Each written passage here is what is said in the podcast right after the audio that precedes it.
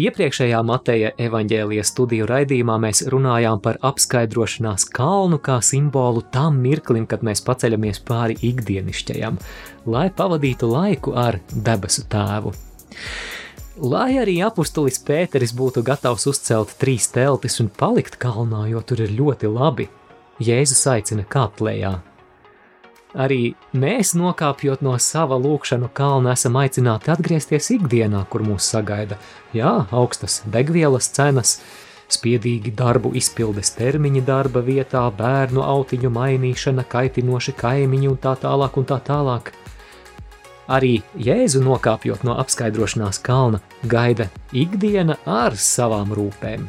Kas tad īsti notiks? Par to šodienas raidījumā turpinot studēt Mateja evaņģēlijas 17. nodaļu.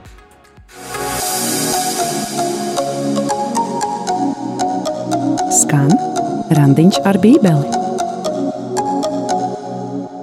Dieva tēva un dēla un svētā gara vārdā. Amen. Amen. Kungs, Dievs, mēs Tev pateicamies par šo dienu, par šo laiku, ka mēs varam studēt Tavu vārdu, ko Tu esi devis Mēs lūdzam, nāc svētais gars, tiešām apgaismo mūsu prātus, mūsu sirdis, palīdzi mums uzņemt to vārdu kā tavu vārdu, kas tā patiesība arī ir, un aizdedzina mūsu sirdis mīlestību uz tevi un savu tuvāko, caur Jēzu Kristu mūsu kungu. Amen. Amen. Dieva tēva un dēla un svētā gara vārdā. Amen. Amen. Šoreiz ēterā es Māris Veliks un Olga Dādeka. Šoreiz, mīļo klausītāji, ja seko šim raidījumam līdzi arī izmantojot savu svēto rakstu eksemplāru, tad atšķir Mateja evaņģēlija 17. nodaļu, un Olga, mēs lasīsim tad eh, kuru porciju? No 14. līdz 27. pantam. Jā, mūs sagaida trīs interesanti fragmenti. Pirmais būs par to, kā ļaunais gars tiek padzīts no kāda zēna. Otrais būs arī par to, kā Jēzus otro reizi pasludina savu nāvi, un trešais interesants un neparasts stāsts. Es atzīšos, ka es tur daudzas lietas agrāk nesapratu par tempļa nodevas maksāšanu un par kādu mistisku zivi. Par to mēs visu arī parunāsim šajā raidījumā. Tātad atšķiram Mateja evaņģēlija 17. nodaļu, un vispirms izlasīsim pirmo šodienas fragmentu no 14. līdz 21. pantam.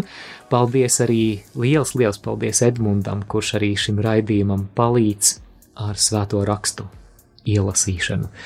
Tad nu vārds Edmundam. Un kad tie aizgāja pie ļaudīm, viņam pienāca kāds cilvēks, metās viņu priekšā ceļos un sacīja: Kungs apžēlojies par manu dēlu, jo viņš ir mēnesis sērdzīgs un ļoti cieši, jo viņš bieži krīt ugunī un bieži ūdenī un es atvedu viņu pie taviem mācekļiem, un tie viņu nevarēja dziedināt. Bet Jēzus atbildēdams sacīja: Ak, tu neticīgā un samaitātā cilts! Cik ilgi es būšu pie jums, cik ilgi es jūs panesīšu, vediet man to šurp! Un Jēzus viņu apdraudēja, un ļaunais gars izgāja no viņa. Un zēns kļuva vesels tajā pašā stundā.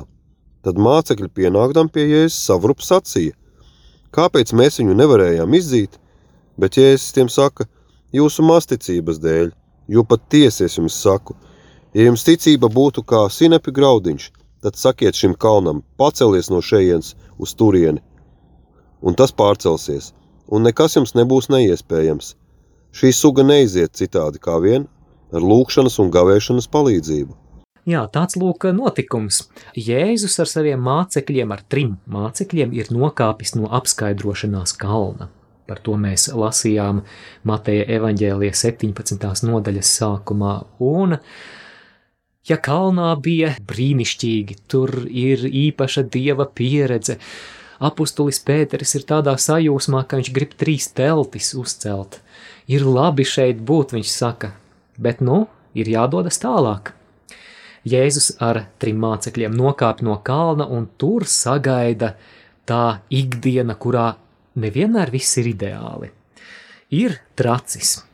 Jēzus mācekļi, kuri nebija ar Jēzu kalnā, bija centušies palīdzēt kādam vīram, kura dēls ir ļaunā gara apsēsts, bet viņiem neizdodas. Viņi cenšas, viņi cenšas, Viņiem jau ir kāda eksorcismu pieredze, to mēs atceramies no Mateja evaņģēlija desmitās nodaļas, bet šoreiz nesanāk tas ļaunais gars, kā neiet ārā no viņa, tā neiet ārā. Un tad nu parādās Jēzus, kurš ir nokāpis no kalna, un Jēzu uzrunā zēna tēvs, un viņš saka 16. pantā vārdus, un es to atvedu pie taviem mācekļiem, bet tie viņu nevarēja dziedināt. Jēzus, protams, protams, ka ļauno garu padzen. 18. pantā mēs lasījām, ka ļaunais gars iziet no šī zēna, un zēns kļūst vesels tanī pašā stundā. Un tad tālāk mācekļi jautā par iemesliem, kādēļ Viņiem tas neizdevās. Kas par lietu? Jēzus atbild, ka jūsu masticības dēļ, un e, patiesi es jums saku, ja, jūs, ja jums ticība kā sinēpju graudiņš, tad jūs sacīsiet šim kalnam pārcēlies no šejienes uz turini, un tās pārcelsies. Tā kā, jā, nekas nebūs neiespējams ar ticību, kas būtu kā sinēpju graudiņš. Jā, arī Marka evanģēlijā un Lūkas evanģēlijā, kas ir divi tā saucamie pārējie sinoptiskie evanģēliji, šis notikums ir aprakstīts. Marka 9. nodaļā varam lasīt arī Lūkas 9. nodaļā, un interesanti, ja mēs salīdzinām šos šī notikuma aprakstus, tad Mateja versija ir vislakoniskākā, viskodolīgākā, jo, nu, piemēram, mēs salīdzināsim ar Marka evaņģēliju. Pie Marka mēs atrodam uh, piemēram, detalizētāku aprakstu par to, kādas tad šīs ļaunā gara manifestācijas piedzīvoja šis zēns.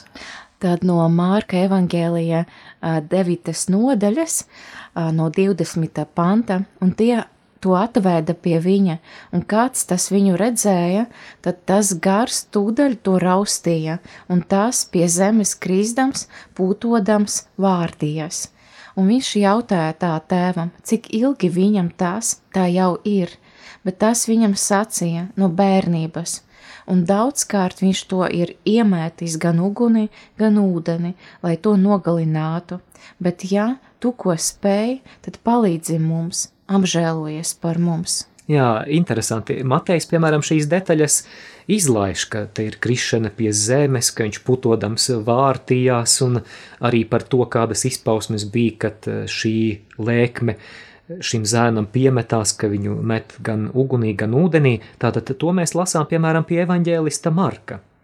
Vēl interesanti pie evaņģēlista Marka, ja mēs salīdzinām abu evaņģēlistu versijas, ir arī tas interesantais moments, kad eh, tēvs Jēzum saka vārdus: Es ticu, palīdzi manai neticībai.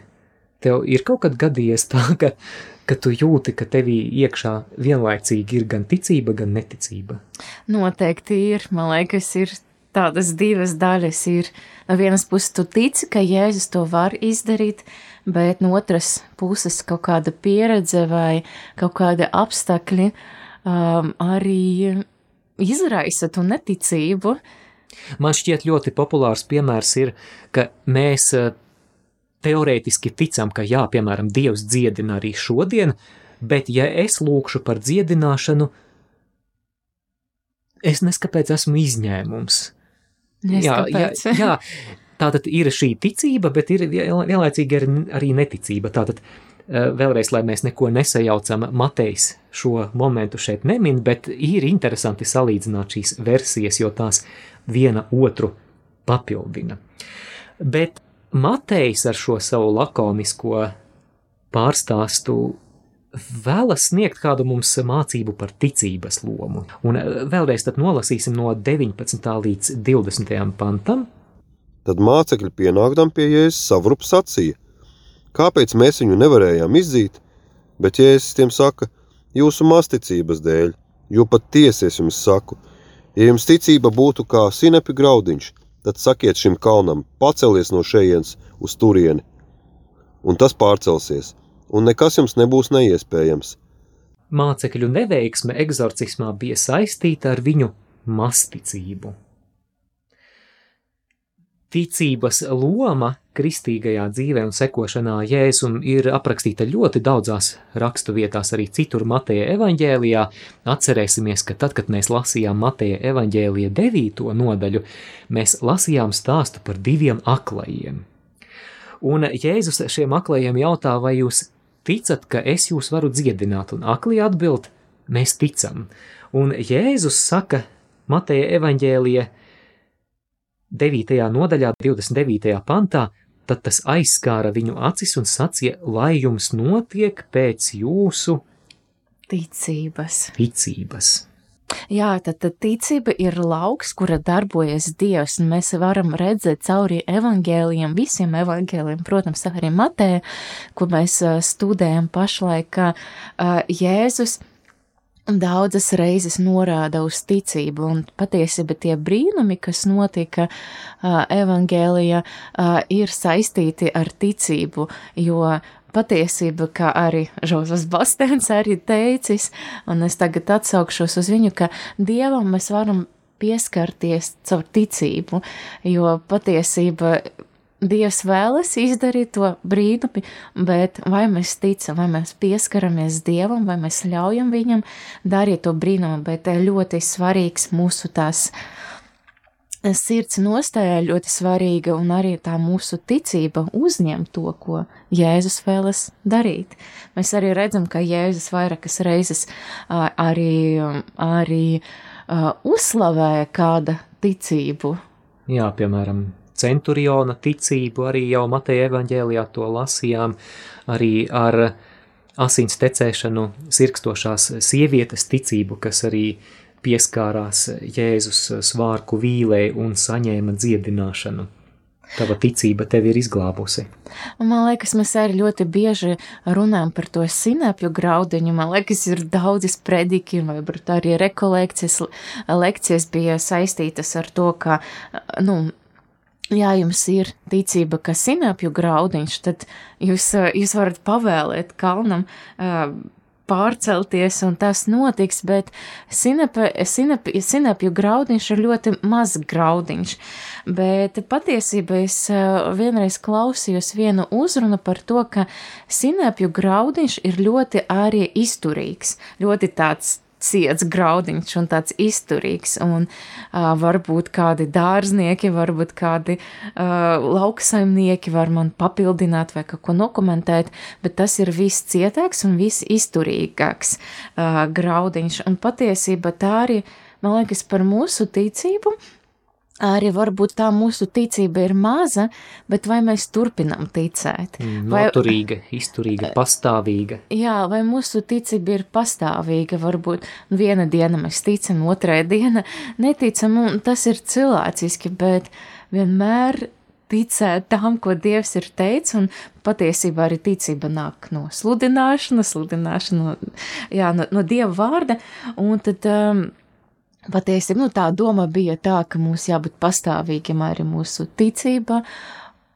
uz Dievu, bet tai ticība arī, varbūt tā ir ticība ir maza, varbūt tāda kā sinepju graudiņš, bet ar to ir gana, lai Dievs varētu izdarīt. Un vēl pēdējais komentārs par šo fragmentu. 20. pantā mēs lasījām Jēzus vārdus: Ja jums ticība ir kā sinepju graudiņš, tad jūs sacīsiet šim kalnam, pārcelies no šejienes uz turieni, un tas pārcelsies, un nekas jums nebūs neiespējams. Mīļo klausītāji, padomā vēlreiz par to, ko Jēzus teica, vai tur ir teikts tā, ja jums būs ticība kā sinepju graudiņš, tad jūs man lūksiet, Jēzu pārcel to kalnu. Nē, Jēzus tur saka kaut ko citu. Tad jūs sacīsit šim kalnam. Paga, kā jūs? Runa ir par mani? Jā, jā, jā, par tevi.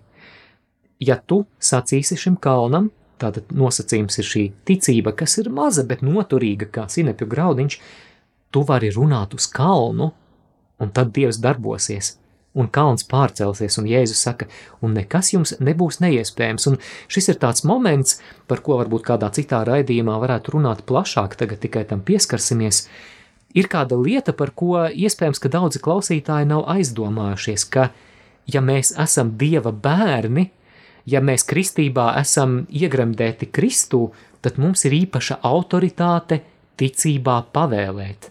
Tā ir tāda ticības lūkšana, jo, piemēram, ja mēs aizlūdzam par kādu slimnieku, ja mēs aizlūdzam par varbūt savu veselību vai par kādām citām lietām, mēs pilnīgi, pilnīgi balstoties uz Dieva vārdu, uz šo Jēzus aicinājumu, mēs droši varam uzrunāt konkrēto lietu, konkrēto kalnu, runāsim metaforiski, un, un pateikt, Jēzus Kristus vārdā pārcelies. Piemēram, mēs varam lūgt par kādu mūsu slimu draugu, kuram ir plaušu karsonis, piemēram. Jēzus Kristus vārdā es pavēlu šim plaušu karsonim atkāpties. Jā, te ma mazliet ir tāda domāšanas maiņa nepieciešama, jo varbūt mēs esam pieraduši tikai un vienīgi lūgt, ka, ka Dievs lūdzu paņem to projām. Arī tas ir labi, arī tam ir sava vieta, bet mēs savā ticības dzīvē varam arī ieviest šo autoritātes lūgšanu, kad mēs Jēzus Kristus vārdā ar to ticību, kas mums ir dota, mēs pavēlam. Un tas nozīmē,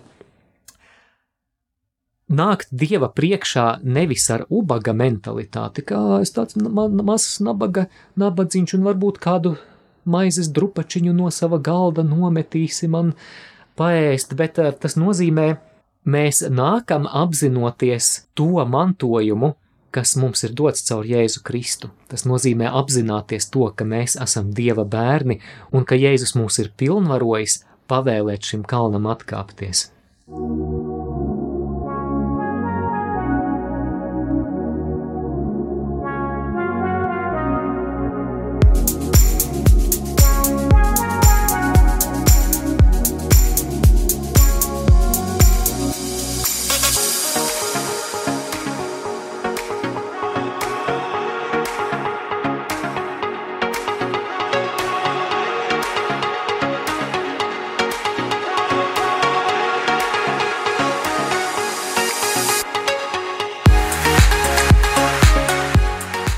Atgriežamies ēterā, skan randiņš ar bībeli, kurā mēs studējam Mateja evaņģēlija 17. nodaļu no 14. līdz 27. pantam un ēterā Māris Veliks un Olga Dadeka.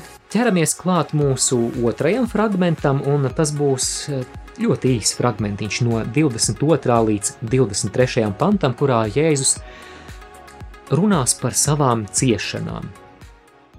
Kad tie Galilejā kopā staigāja, Jēzus viņam sacīja: cilvēka dēls tiks nodots cilvēku rokās, un tie viņu nonāvēs, un trešajā dienā viņš celsies augšām, un tie noskuma ļoti. Dargo klausītāji, tas, ko tikko dzirdēji, pie otrais Jēzus pasludinājums Mateja evaņģēlijā par savām ciešanām, kas viņu sagaida Jeruzalemē. Mēs jau lasījām Mateja evaņģēlija 16. nodaļā, kur Jēzus pirmo reizi saviem mācekļiem tieši un atklāti runā, ka tad, kad viņš nokļūs Jeruzalemē, ka viņu sagaida ciešanas, nāve pie krusta, bet trešajā dienā viņš augšām cēlies. Šī ir otrā reize, kad Jēzus saviem mācekļiem to atgādina, un tā ir otrā no trim reizēm, kad Jēzus par to runā. Vēl nākamo reizi mēs sastapsim arī Mateja evaņģēlija 20. nodaļā. Un e, šie Jēzus vārdi mācekļiem patiesībā ir nepatīkami. Un, e, nu jā, kuram jo, tad patīk e, dzirdēt, kad kāds saka, zini, manas dienas ir skaitītas mm. un mums būs jāatvadās. Jā, un tie ļoti noskuma patiesība par to, bet šie vārdi, bet Jēzus arī runa par augšām celšanos, un viņi var būt uh, mācekļi, uh, to uzsvaru lika un to savu uzmanību lika uz tiem vārdiem par, par to nāvi, par ciešanām, bet varbūt tie vārdi par to, ka viņš augšām celsies, varbūt paslīdēja garam. Jā, visdrīzāk, ka mācekļi patiešām ir nofokusējušies tikai uz ciešanām, viņiem nav īstā augšām celšanās precedenta tādā nozīmē, kā Jēzus augšām celsies. Mēs, piemēram, iepriekšējā nodaļā, Mateja 16. nodaļā, lasījām par apustuļa Pētera uh, impulsīvo reakciju, kad Jēzus ir pasludinājis, ka viņam būs jācieš, Pēteris saka, mm, lai nekas tāds tev nenotiek. Jā, un Jēzus viņu norāja, un varbūt viņi domā arī par augšām celšanos, jā, ka būs tā pastara diena, būs augšām celšanas, varbūt arī tāda ziņa viņi bija domājuši arī par, šo, par šiem vārdiem. Tik tālu arī par mūsu šodienas otro fragmentu, un tūlīt pēc džingla arī mūsu šodienas pēdējais fragments, tūlīt lasīsim no 24. līdz 27. pantam. Vēlēs labāk iepazīt svētos rakstus, bet nezini, ar ko sākt? Raidījums Randiņš ar Bībeli ir tava Bībeles studiju iespēja, dinamiska, mūsdienīga un baznīcai uzticīga. Studē Bībeles grāmatas kopā ar savedēju Māri Vēliku.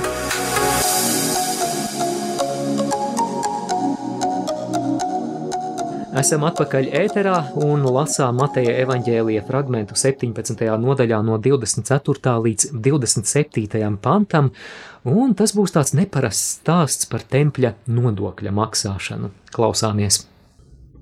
Bet, kad tie nonāca Kapernaumā, tempļa nodokļu saņēmēji pienāca pie Pētera un sacīja: Vai jūsu mācītājs nemaksā tempļa nodokli, didrahmu? Viņš saka, jā, maksā gan.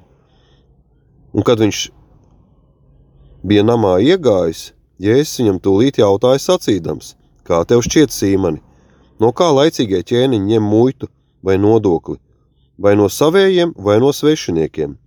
Bet, kad Pēteris atbildēja, no svešiniekiem, tad Jēzus viņam sacīja, tātad pašu ļaudis ir brīvi, bet lai mēs tiem nedotu pietalzību, tad ej uz jūru un izmet makšķeri, dzirdējām, ka tempļa nodokļu saņēmēji jautā apustulim Pēterim, vai jūsu mācītājs nodokli nemaksā. Tas nozīmē, ka kādās aprindās ir aizdomas par to, ka Jēzus attiecībā vispār uz tempļa lietām varētu būt nepaklausīgs.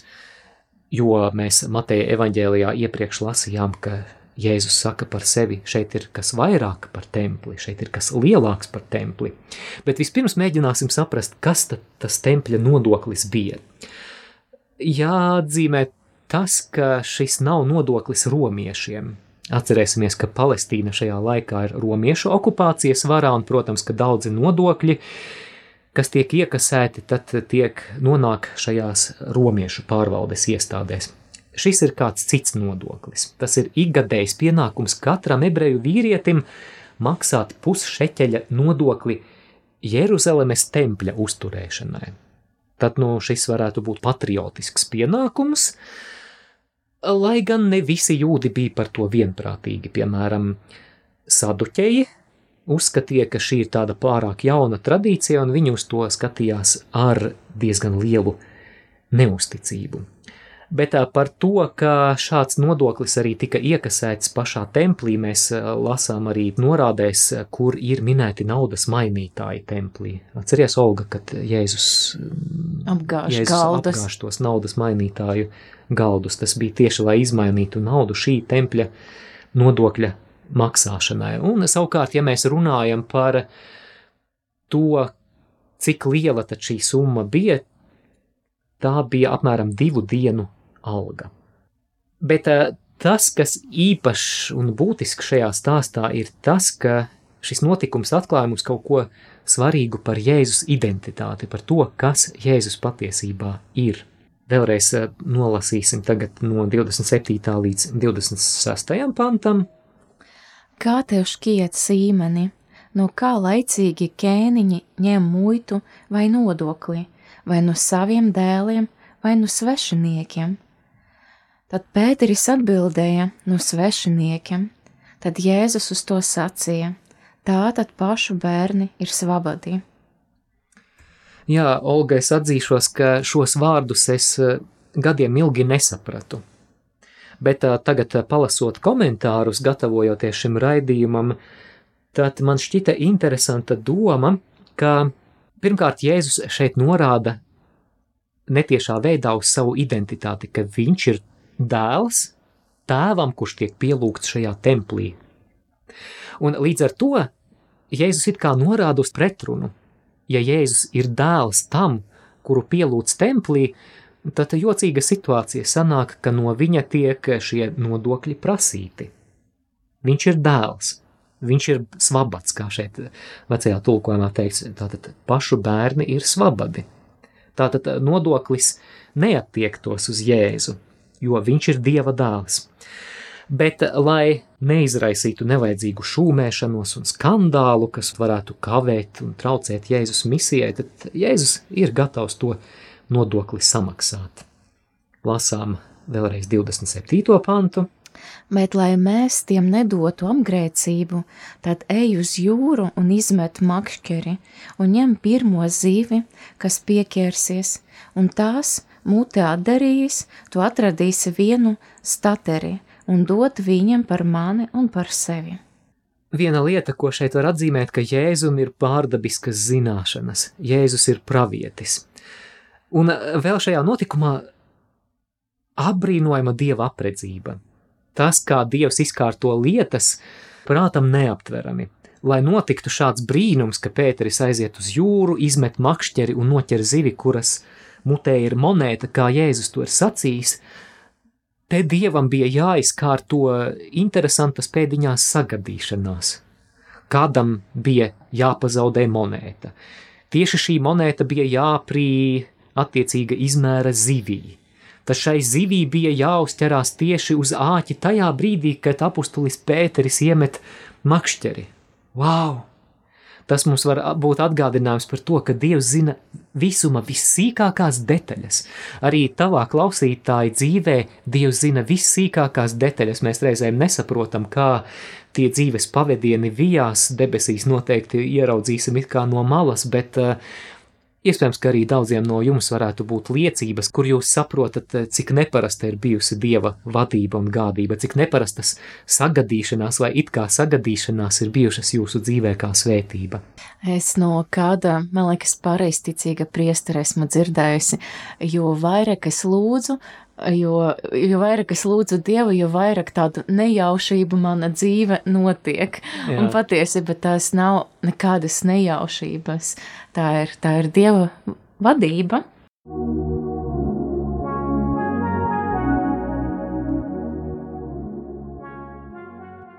bet uh, mani personīgi uzrunāja par uh, šī rakstu vieta par bērnu identitāti un patiesība Jēzus norāda uz sevi, ka viņš ir Dieva dēls, ka viņš ir bērns, ka viņš ir brīvs, vabats, kā šeit arī pateikts, bet uh, man liekas, tas arī aicinājums mums saprast, ka mēs esam Dieva bērni, mēs esam adoptēti, mēs esam brīvi un mēs neesam nekādi svešinieki. Un, protams, mēs esam brīvi no grēka verdzības, no no visam tam lietam, ko varbūt ļaunais mēģina uh, mums uzmest vai apsūdzēt, mēs esam brīvi, jo mēs esam attaisnoti, bet patiesībā Māri mani uzrunāja tas divas lietas šodien, ko mēs esam apsprieduši, tad uh, pirmā lieta, ko mēs apspriedam, bija autoritāte, autoritāte pavēlēt slimībai atkāpties, uh,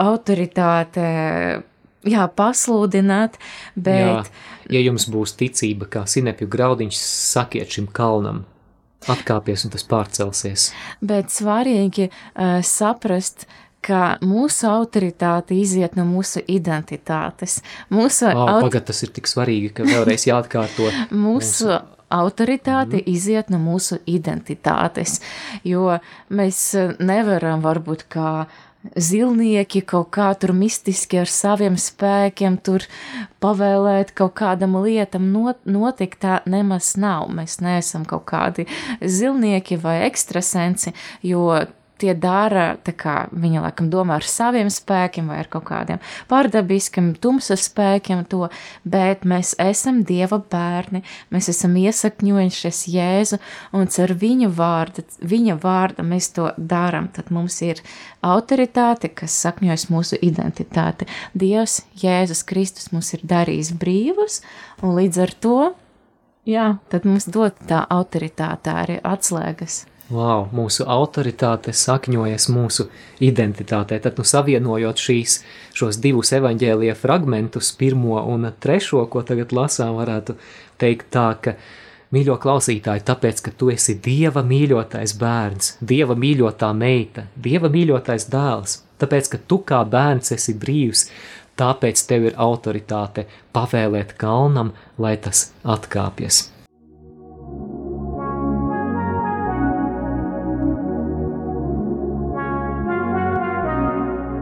Tad no ar šo domu par mūsu identitāti Jēzu Kristu, par to autoritāti, kas mums ir dota, arī šodien raidījumu noslēdzam.